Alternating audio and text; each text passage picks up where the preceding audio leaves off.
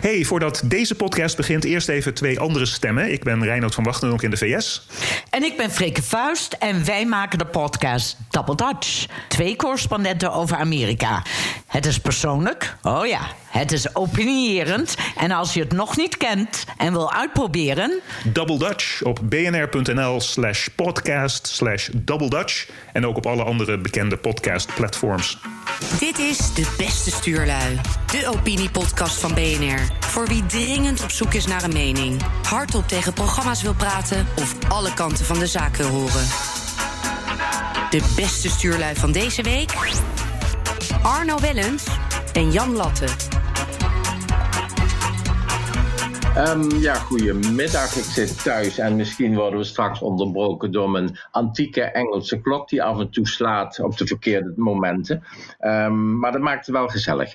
Um, we gaan, ik wilde vanmiddag vooral hebben over uh, de toekomst. Uh, corona is er, uh, stress onder jongeren. Jongeren mogen niet meer naar buiten. En koppels die binnen zitten, die moeten ook bij elkaar blijven. En het gekke is, en dan lees ik een bericht van... oh, we krijgen straks een babygolf... omdat die jonge mensen dit huis niet meer uit kunnen. Nou, meer onzin bestaat er niet aan zo'n bericht. Want alsof die baby's alleen maar geboren worden... als jonge mensen bij elkaar zijn... en jonge mensen geen verantwoordelijkheid nemen voor uh, het moment van een gezin stichten. Nou, wat je dus eigenlijk kunt verwachten nu, we zien toch een enorme uh, onzekerheid ontstaan bij jonge mensen van misschien raken ze een baan kwijt, misschien hebben ze geen inkomen, hoe komen ze straks nog aan een woning, al dat soort dingen. Dat zijn nog net de ingrediënten om te twijfelen van zullen we nou uh, een gezin gaan vormen of zullen we nog even uitstellen? Dus het kan niet anders of we gaan zien dat in de loop van dit jaar uh, heel veel jonge mensen zullen zeggen: Nou, dit is niet het moment om aan kinderen te beginnen. Dus 2021, dat wordt een, een, jaar met dalende kindertallen. 2020 is een jaar om te overleven, zullen we maar zeggen. 2021 minder kinderen. En dat gaat dan volstrekt in tegen wat men tot nog, nog toe heeft verwacht. Namelijk dat eindelijk er wat meer kinderen zouden worden geboren. Dat gaat echt niet gebeuren. Ja, lieve luisteraars, ik, uh, ik groet u ook uh, live vanuit uh, Studio Gaza. Niet vanuit de, de studio bij, bij BNR, bij het, bij het FD. Dat in verband met corona. Ik had het trouwens volgens mijzelf. Dus ik had alle verschijnselen die erbij horen. Dus het is een, een normale griep, alleen je krijgt een bepaalde kortademigheid erbij. En die is, wel, die is wel beangstigend, moet ik zeggen. Want je, je voelt dat dat ineens komt en dan denk je van waar houdt dit op? Alleen, dat zeg ik er ook bij, is dat, de, dat het uh, snel overgaat. Vooral als je gezond bent uh, of je bent jong, hè, dus als je niet al klachten had.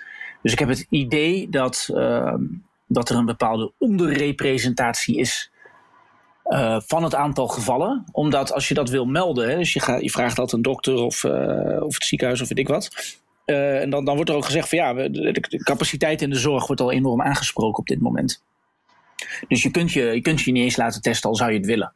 En, uh, en als je ook verder geen klachten hebt, dan zeg je ja, blijf, uh, blijf een paar dagen binnen en uh, zorg dat je het niet verspreidt.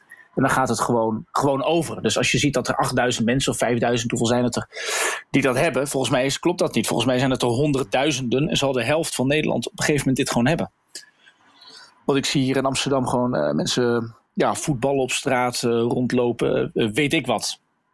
Ehm, maar dat, uh, dat even terzijde. Ja, van Jan, ik vind dat een, uh, schrikbarende boodschap. Hij heeft al eens eerder uh, bijvoorbeeld op tv gezegd, ik weet niet meer precies welk programma, maar dat, de, en dat het normaal gesproken zo is dat mensen bij economische opleving wat positiever worden. Dus dan gaan ze meer, ja, meer kinderen maken. we weten allemaal hoe dat werkt, maar de vraag is inderdaad onder welke omstandigheden en met welke timing doe je dat. Uh, en wat we de afgelopen, ja, in de afgelopen uh, periode van hoge conjunctuur, want die is nu al afgelopen, mogen we nu zeggen. We gaan gewoon een hele diepe recessie in, daar is geen, uh, geen twijfel over mogelijk. Ehm, maar wat je normaal gesproken zou zien is dat het kindertal stijgt. Dus dat mensen door de economische opleving wat positiever worden en dan meer kinderen gaan maken. Alleen die, die opleving die was bij de afgelopen crisis al afwezig. Um, en dat wordt nu dus alleen maar weer minder, omdat mensen dan pessimistischer worden. Dus het, dat is een vrij unieke gebeurtenis in de geschiedenis. Dat, dat het economisch beter gaat, uh, maar dat mensen toch besluiten om minder kinderen te krijgen. En ik denk dat dat er meer in zit, omdat de, het meten van uh, hoe het economisch beter gaat, daar, daar is iets mee, uh, mee aan de hand. Want wij veranderen steeds de definities van wat, wat economie is. Ja, En mag, daardoor, daardoor wordt dat beter. mag ik daar iets over zeggen? Ja, Ja, dat is precies. Kijk, macro-economisch gaat het beter. Dan, hoe wordt dat gemeten? Bruto nationaal product en zo. Maar het ging beter omdat heel veel mensen tegen lagere lonen onzekere banen kregen. Vooral jonge mensen. Dus het beeld economisch gunstig wat we hebben gehad, betekent niet dat jonge mensen altijd van zichzelf heel zeker waren. Want Nee. ja, ze hadden een tijdelijke baan en, en dan durfden ze zelfs niet in verwachting te raken, want dan werd die tijdelijke baan nooit vast. Dat soort dingen.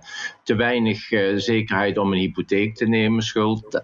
Dat- heeft gemaakt dat eh, ondanks eh, macroniveau economisch gunstig, heel veel mensen onzeker werden, bestaansonzeker. En dat ja en die, en die, ja, met die kinderen geboren. Ja, die definities die veranderen ook. Hè? Dus wanneer ben je werkloos? Als je 12 uur, als je ZZP'er bent en je wil dat niet. En je hebt maar 12 uur per week een baan, ben je dan wel of niet werkloos? Ja, eerst was je dat wel en nu niet. Dus Ja. die definitie is gewoon veranderd. En, eh, dus één uur had je, was je al niet meer werkloos met één nee, en dan daalt de werkloosheid. En dat Ja. zie je met, met allerlei economische statistieken. Dat gebeurt door de hele Europese Unie. En dus regeringen maken er echt een goed nieuwsshow van. Mhm. Ik zeg het wel eens vaker, als mensen eh, dit niet geloven, als ze zeggen van ah, je, je overdrijft een beetje. Wat je voor de grap kunt doen, eh, is dat je zoekt wat is het bruto nationaal product van Ierland in de afgelopen tien jaar. Die cijfers moet je gewoon eens opzoeken en dan zie je gewoon dat die helemaal gekunsteld zijn. Want het bruto nationaal product van Ierland dat, dat, dat stijgt in 2016 met eh 25% Dat kan helemaal niet, maar dat is omdat ze de definitie hebben veranderd. definitie veranderd. Ja, Ja, ja. dus, de, dus een, een brievenbusbedrijf, dus een, een belastingontwijker op jouw grondgebied, mag je dubbel tellen. Mhm. Dus als een Amerikaans medicijnbedrijf in Ierland eh, zit, dan mag Ierland er bij de economie optellen en Amerika ook. Ja. En daarom is in 2016 het wereldwijde bruto nationaal product, ondanks de vergrijzing in het Westen, is gestegen. En dan zeggen we, ja, het gaat toch beter met iedereen. De economie stijgt, eh, waarom ben je zo pessimistisch? Ja, dat zit in het meten en het eh, anders meten van die dingen. En ook in de, in de, in de, in de, pre- in de, in de inflatie. Daarin zit bijvoorbeeld eh, de gestegen huizenprijzen, waardoor mensen, zoals Jan het zegt, als die zin hebben om in verwachting te raken, ja, je kan gewoon geen huis kopen. Dus die, die, en die huizenprijzen die zitten niet in die, eh, in die inflatiecijfers. Mhm. Mhm. Dus dan denk je, ja, de cijfertjes zijn toch goed? Eh, wat zeuren mensen? Nee, eh, het, het leven wordt onbetaalbaar. Nou, dan krijg je dus het effect van Jan dat ze mensen geen kinderen maken. Ja, bestaansonzekerheid, hè, noem ik het maar voor het gemak. En nou ja, dan zitten we nu met corona op een vrij zeker, we hebben dat CPB-rapport vandaag gehad, scenario's, met het zwartste scenario eh, tot 10% werkloosheid. Ik bedoel, daar gaan we echt eh, eh, die kant op, of dat dreigt zeker. Moet je vanuit gaan, zo'n worst case scenario. En dat zal ook juist die jonge mensen weer onzeker maken. Nou, kind, minder kinderen, dan kun je nog zeggen, nou ja, minder kinderen is er niet zo erg, dat halen we wel in.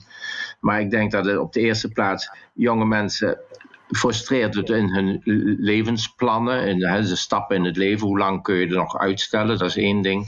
Uh, en op macroniveau denk ik, ja, wat we nu zien is, als er minder kinderen komen, dat we over twintig jaar uh, weer te weinig nakomelingen hebben om de werkenden die dan met pensioen gaan te vervangen. En ik heb het al eerder gezegd, dan, dan zegt met sommige mensen zeggen, nou dan halen we toch mensen uit het buitenland. En ik heb toen ook gezegd, ja, je moet op een bepaalde manier als samenleving wel autark zijn. Je moet zelf zorgen dat je genoeg vervangers hebt, bijvoorbeeld. Ja. En wat blijkt nu, als ik, als ik nou nu met die crisis hoor dat we zelfs niet genoeg beademingsapparatuur of mondkapjes hebben, dan kun je je voorstellen, dan moet je uit het buitenland halen en dat is er niet. Zo zou zich over twintig jaar best kunnen voordoen, hè, als je dat allemaal zomaar laat. En dan zeg je, nou, dan halen we wel artsen uit een ander land. Dan is de vraag, willen die dan wel komen? Dus ja. je hebt toch als samenleving, en dat is op het van het politieke beleid, een beleid moet er wel op gericht zijn dat je ook zorgt dat de samenleving zichzelf een min of meer in stand kan houden op langere termijn. Dat hoort ook bij nakomelingen. Ja, ja want en, en je kunt je ook afvragen, waar komen die mensen dan vandaan? Dus dat migratiedebat, dat is nu een, uh, nou, een, een, heet ding, maar nu even niet door corona. Maar dat was altijd wel het onderwerp uh, van, van de dag. Nou, ja. Maar de meeste migranten die komen uit landen met een lager geboortecijfer dan Nederland. Dus Roemenië, Polen ja. enzovoort. Dus, dus je dumpt je demografische tekorten in het oosten. Dus Nederland dumpt dat in Polen. Alleen ja, Polen heeft zelf ook niet genoeg mensen. Dus mm. nou, als het trucje is, ja, uh, je dumpt het naar het oosten, ja, dan moet je Oekraïne bij de Europese Unie halen. Nou, dat is toen ook gebeurd. Die uh, discussie ja. met het referendum, die kunnen we ons nog, uh, nog herinneren. Maar hoe lang, hoe lang ga je daarmee door? Op een gegeven moment is er niks meer ten oosten van je waar je je, je demografische tekorten kunt dumpen. Nou ja. dan kun je zeggen, ja, dan haal je mensen uit Afrika. Maar ja, ga je dan verplegend personeel uit Afrika halen, waar ze, waar ze ook hartstikke nodig zijn? Dus, Ja, dus iemand moet een overschot hebben. Je kunt niet, je kunt niet allemaal maar zeggen, nou, we gaan allemaal eh, immigreren. Want ja, dat kan niet. Nee, dat is één ding. Maar je kunt ook niet ervan uitgaan dat jij als. oh, Daar heb je de gezellige antieke klok. Je kunt ook niet van uitgaan dat als je als land denkt van ik heb iets nodig, dat je dan zeg maar net als in de supermarkt kunt vragen en krijgt. Nee, Het kan precies. je bent afhankelijk of de anderen willen komen. En dat wordt vergeten. Het is nog maar de vraag of ze uit India, de, de ingenieurs, willen komen überhaupt. Je weet niet hoe het zich hier ontwikkelt. Dus in die zin moet je altijd zorgen dat je ook een beetje voor jezelf kunt zorgen. Dat is een soort plicht, een EHBO voor het land zou je bijna moeten zeggen. Maar dat past niet in het eh, perspectief van globalisten. Die denken gewoon van nou het komt ergens vandaan.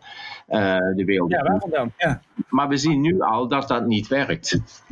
Nee, en het, en, het, en het wordt, je krijgt ook een negatieve spiraal natuurlijk. Want eh, je kan het op fora zien. Hè? Eh, nou, die kun je gewoon op internet opzoeken. Gewoon waar eh, experts bijvoorbeeld Indische programmeurs. Dan praten ze met elkaar en dan zeggen ze: Goh, van ja, zal ik naar Nederland gaan, naar Eindhoven of naar, naar, naar, naar Engeland, weet ik veel.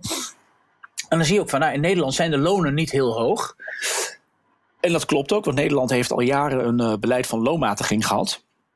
En de sociale lasten zijn wel hoog en de, de, de, de huizen zijn heel duur. Dus als jij in India zit, en dat maakt jou niet zoveel uit of je naar Nederland of naar Engeland gaat, of naar, naar Duitsland of Denemarken, ja, dan, dan is Nederland een vrij duur land. En om die vergrijzing op te vangen, zullen de sociale lasten omhoog moeten. Daar is geen twijfel over. Mhm. En dus je hebt dat, eh, je hebt dat AOW-fonds bijvoorbeeld. eh, ik, ik houd het altijd door elkaar, AOW of WAO. Dus voor de, voor de oudere mensen. Algemene ouderdomswet. AOW's. AOW. Ja, dat is de. ehm, ehm, je kan dat gewoon eens opzoeken op de site van het, eh, van het CBS. Eh, in het jaar 2000, toen had de, had het, liep het AOW-fonds dat liep eh, glad. Dan had je, dus, dan, dus dan was het aantal werkenden dusdanig hoog.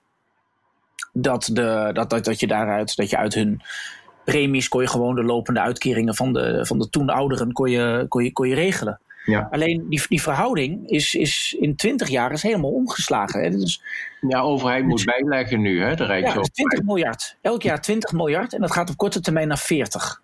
Mhm. En het zullen de werkenden zijn die, die, eh, die dat verschil moeten bijleggen. En als, als je die Indiër, die IT-programmeur, als je bijvoorbeeld als je die uit Mumbai wil halen, ja, die gaat zich afvragen: van ja, moet, dan moet ik die belasting betalen. Heeft hij daar wel zin in?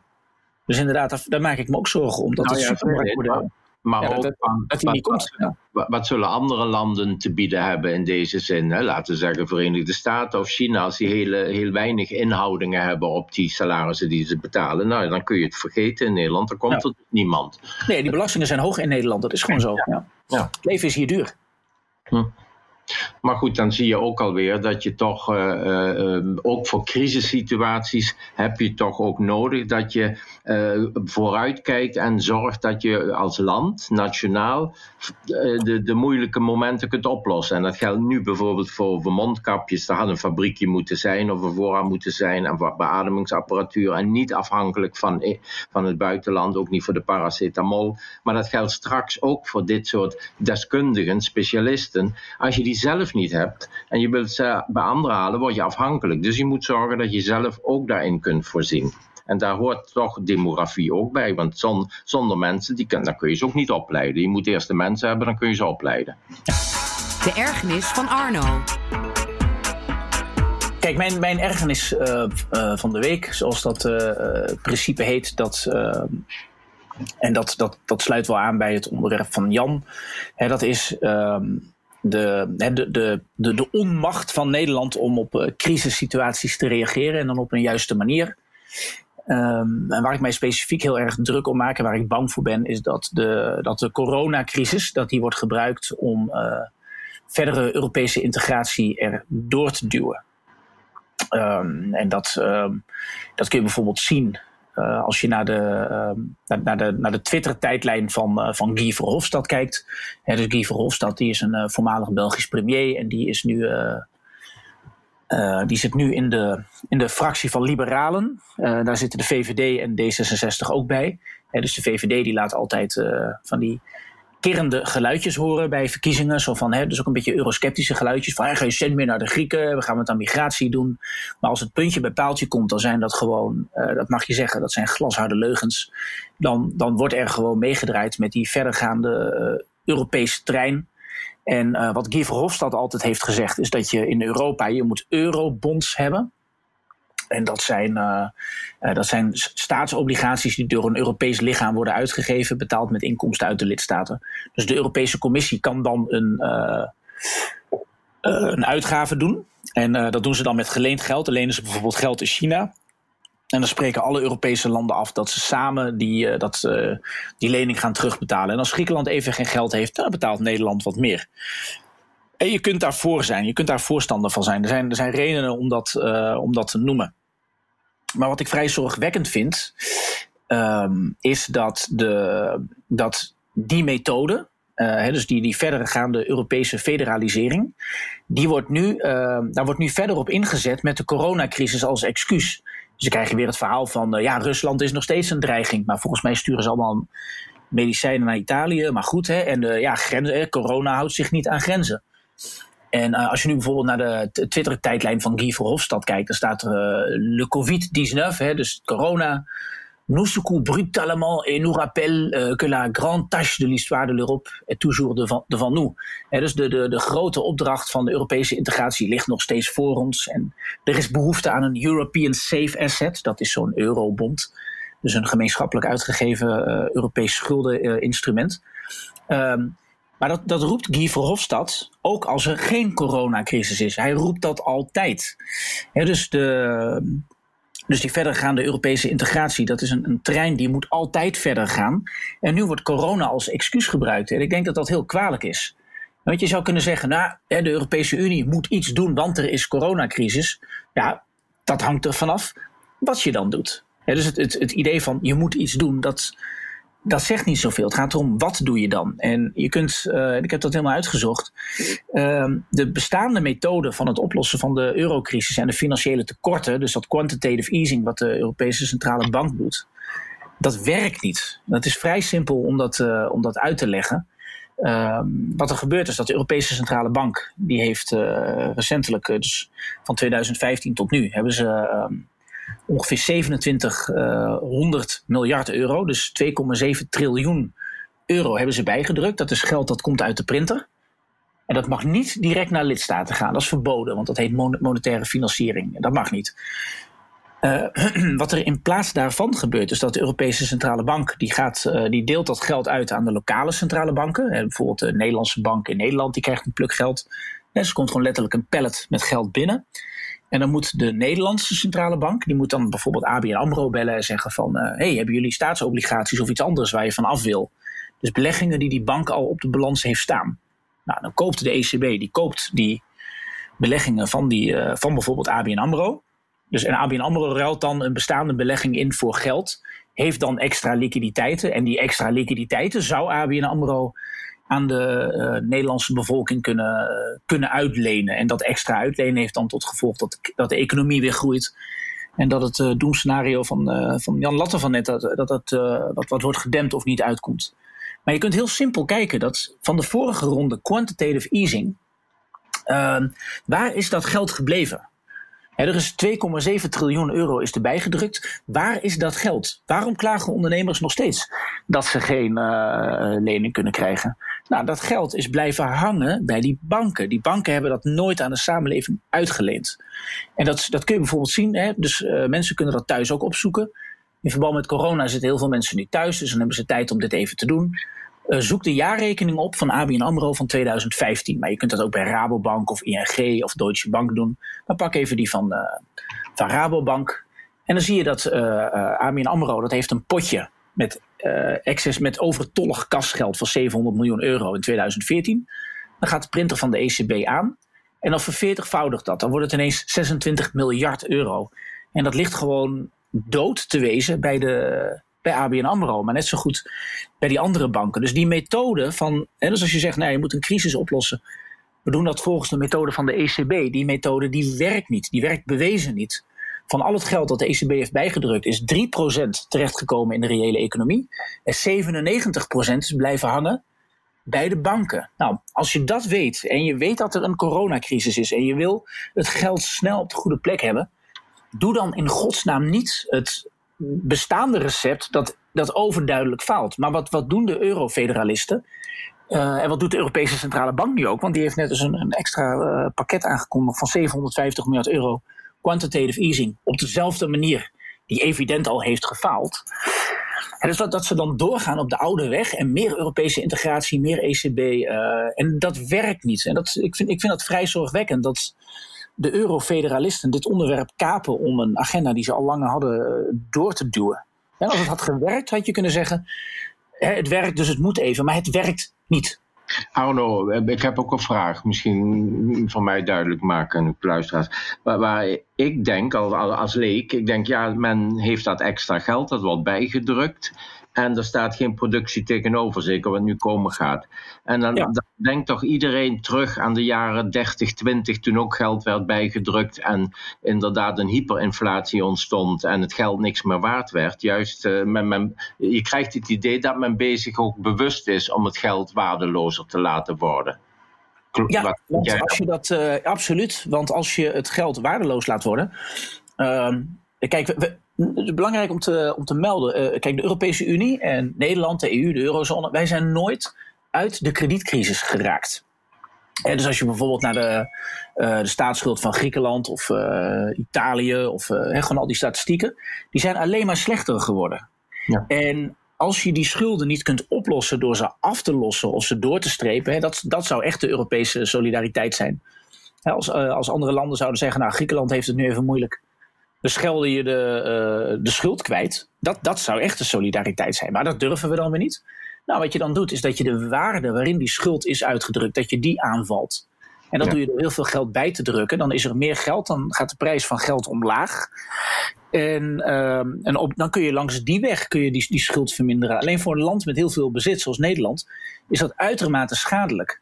Maar dat is dus wat je moet doen. Dus je moet Nederland beschadigen om de, eh, de, ja, de, de Grieken te helpen. En je, je wil dat niet expliciet doen. Daar zou ik dan voor zijn, dat je gewoon eerlijk zegt hoe het zit. Uh, ja, dan doe je het langs deze weg. En Nederlanders pikken dit. Het, het, verbaast mij werkelijk, maar Nederland laat dit gebeuren. Ja. ja, men heeft het niet door. Maar ik vind het zo interessant. Griekenland, dat is nog al jaren bekend. Dat als je kijkt naar het aantal inwoners alleen al, hè, de, ook de werkende bevolking, dat gaat de komende 10, 20 jaar echt uh, fenomenaal krimpen. Dus er komen veel en veel minder in, inwoners. En die, moet dan, die kleinere groep moet dan een grotere schuld gaan terugbetalen. Dat gaat dus ook niet. En, en dat kan alleen maar als die grote schuld geen waarde heeft. Bij wijze van spreken, of minder waarde heeft. Ja, en dat is ook een, een opzet geweest van de Europese Unie. Dat is ook de. Uh, er staat in allemaal beleidsdocumenten. Dan heb je zo'n eurotop. En het Europees Stabiliteitsmechanisme geeft gewoon allemaal documenten uit. En dan zeggen ze: Nou, weet je wat, de Grieken kunnen het even niet betalen. We schelden de, uh, de rente even kwijt. Nou, dat is dus gewoon een gift. Maar dat mag je niet zo noemen. En dan, dan, dan schuif je het uit naar over 30 jaar. Dus Griekenland krijgt 30 jaar extra de tijd. Ja, dan moeten de mensen, die, de Grieken die dan uh, leven, die, die moeten er dan maar voor zorgen. Maar ja, je hebt, wat, wat Jan, wat je, precies wat je zegt, je hebt dan veel minder Grieken. Dus je, hebt, je, hebt, je hebt dezelfde schuld in een kleinere beroepsbevolking. En dan, dan kan het ineens wel. Dat is een dat is mirakelboekhouden. Dat, dat gaat helemaal nergens over. Ja, ja, dat kun je alleen doen door te hopen dat over 30 jaar door allerlei inflatie dat die hoeveelheid of de waarde van dat geld uh, stukken minder is. Dan zou het misschien kunnen. Ja. Maar goed, dan is Nederland en eh, de rijkere landen zijn de dupe als dat allemaal in een gemeenschappelijk potje komt. Hè? Als ook de waarde van de munt is uiteindelijk ook één waarde voor alle landen. En uh, nou ja, dat ja, dan. En op deze manier heb je, heb je die rijke landen, heb je ze, heb je ze toch de rekening gepresenteerd. Dus dat is, de, dat is de, de kunst die we nu moeten doen. Dus als je dat, dat wankele euro gebeuren, als je dat bij elkaar wil houden, ja, dan moet je een manier bedenken waarop die rijke landen gaan betalen.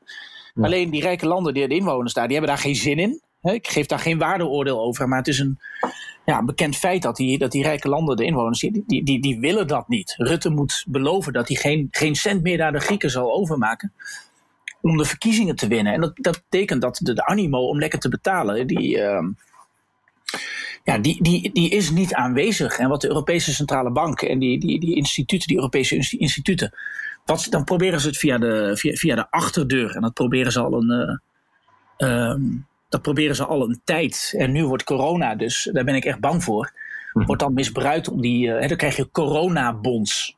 Nou, dat is hetzelfde als een eurobond. Hè. Dus dan wordt dat als excuus gebruikt om die verdere Europese integratie erdoor te duwen. Ja, en zeker omdat in deze crisistijd moet er crisisbeleid komen. Dus snel beleid, niet te lang debatteren, handelen. Dat is dan nu de nieuwe mentaliteit misschien. En dan kunnen ze het heel snel voor elkaar krijgen. En ook minder debat. Je zag het in overleg in, de Duitse Bondsdag is dat al. Het moet allemaal sneller. En dat zie je in Nederland ook. Het moet snel, sneller. En onder die noemer uh, het is allemaal, je moet vertrouwen hebben en, en, en, en snel. En dan kan het ook inderdaad gebeuren dat het zonder dat de mensen doorhebben dat het wel beleid wordt. Ja, en dan, dan is het er. Hè. Dan wordt er bijvoorbeeld dan wordt er een coronabond uh, afgesloten, zoals dat heet. Uh, dat, dat, dat, zou dat ESM, dat Europees Stabiliteitsmechanisme, dat is een, een, fonds in, in Luxemburg waar geen enkele democratische of journalistieke controle op mogelijk is. Je kunt ze niet eens bellen. Hè? Je mag niet eens de perswoordvoerder bellen. Dat is heel gek. En als een, journalist dit luistert en die vertrouwt het niet, dan moet hij eens proberen de perswoordvoerder van dat ESM te bellen. Maar die weigert je gewoon te woord te staan. Dat is een totaal ondemocratisch instituut. En dat, dat zal dan binnenkort, vrees ik, maar ik hoop dat we dat kunnen tegenhouden, maar dat zal, uh, dat, dat zal dan het recht krijgen om bijvoorbeeld uh, coronabonds uit te geven. Nou, dan, dat is dus een totaal ondoelmatige uh, actie, want het, het zorgbeleid dat ligt gewoon nog steeds bij de lidstaten. Dus als Nederland niet genoeg mondkapjes heeft, of Italië heeft uh, niet genoeg uh, IC-kamers, ja, dat, waren, dat heeft te maken met beslissingen die bij de lidstaten ligt. dus je kan dat naar een Europees niveau willen trekken, maar daarmee is, dat is die Europese politieke arena niet, uh, niet, niet meteen beter. Maar stel dat dat gebeurt, hè, dus de, dat ESM geeft voor een paar honderd miljard euro aan coronabonds uit. die, die kunnen een looptijd hebben van 10 tot 30 jaar. Dus straks is corona over dus dan kijken we hierop terug, dan hebben we dit gehad. En dan, dan zitten we nog 30 jaar lang vast aan die coronabonds. En op die manier heb je, uh, ja, heb je die landen toch weer iets verder bij elkaar geduwd. En uh, ja, dat is, dat is wat je krijgt. En nog, nogmaals, kijk, als je zegt Europese uh, solidariteit, je moet elkaar helpen. Nou, weet je wat? Je hebt bij, bij Sloterdijk heb je het Amsterdam heb je het agentschap van het ministerie van Financiën dat die schulden uitgeeft. Nederland kan morgen 10 miljard euro lenen op de internationale kapitaalmarkt. Dan leent Nederland dat en dan geven we dat aan Italië omdat Italië het moeilijk heeft. Dat kunnen we. Uh, het, is, het is nu kwart voor vijf als wij dit opnemen. Nederland kan dit vandaag nog regelen. Nederland kan ervoor zorgen dat er vandaag nog 10 miljard euro in het Italiaanse zorgfonds zit. Dus als je het hebt over snelheid en doelmatigheid, dan zou je dat moeten doen. Alleen, er wordt dus bewust voor die Europese route gekozen, die veel trager is, ondoelmatig is. Hè, dat, wat ik zei, dat uh, de ECB, het geld dat de ECB bijdrukt, daarvan komt maar 3% in de economie en 97% blijft bij die banken hangen. Maar het moet via die route, omdat dat de Europese route is.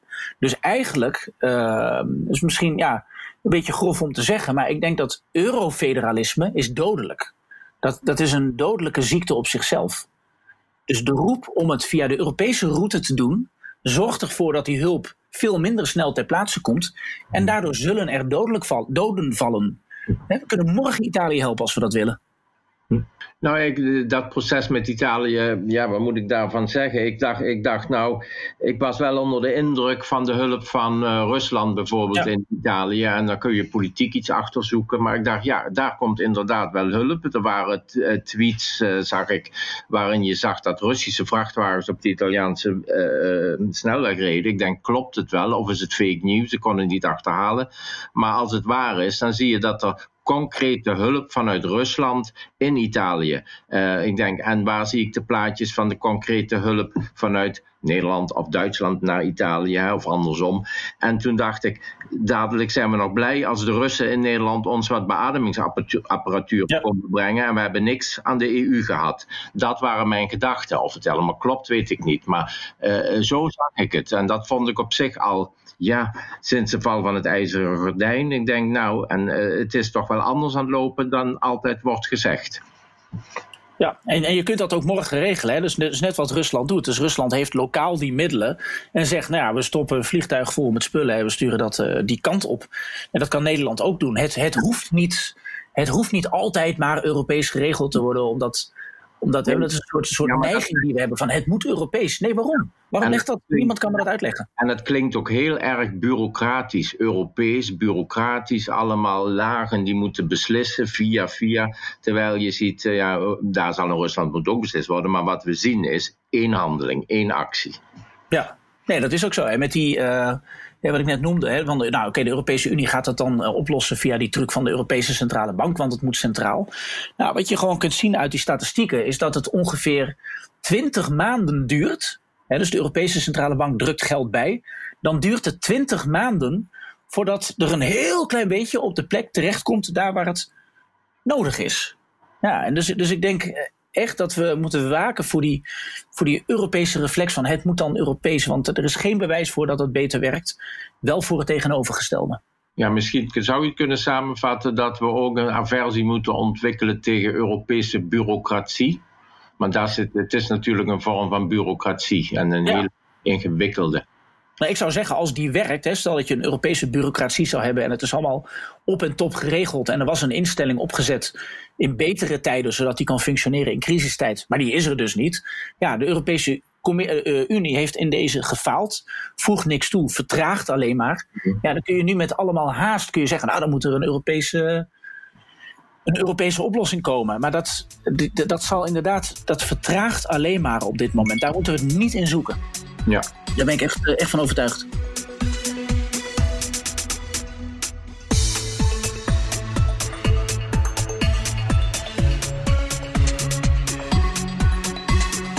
Dit was weer een aflevering van De Beste Stuurlui.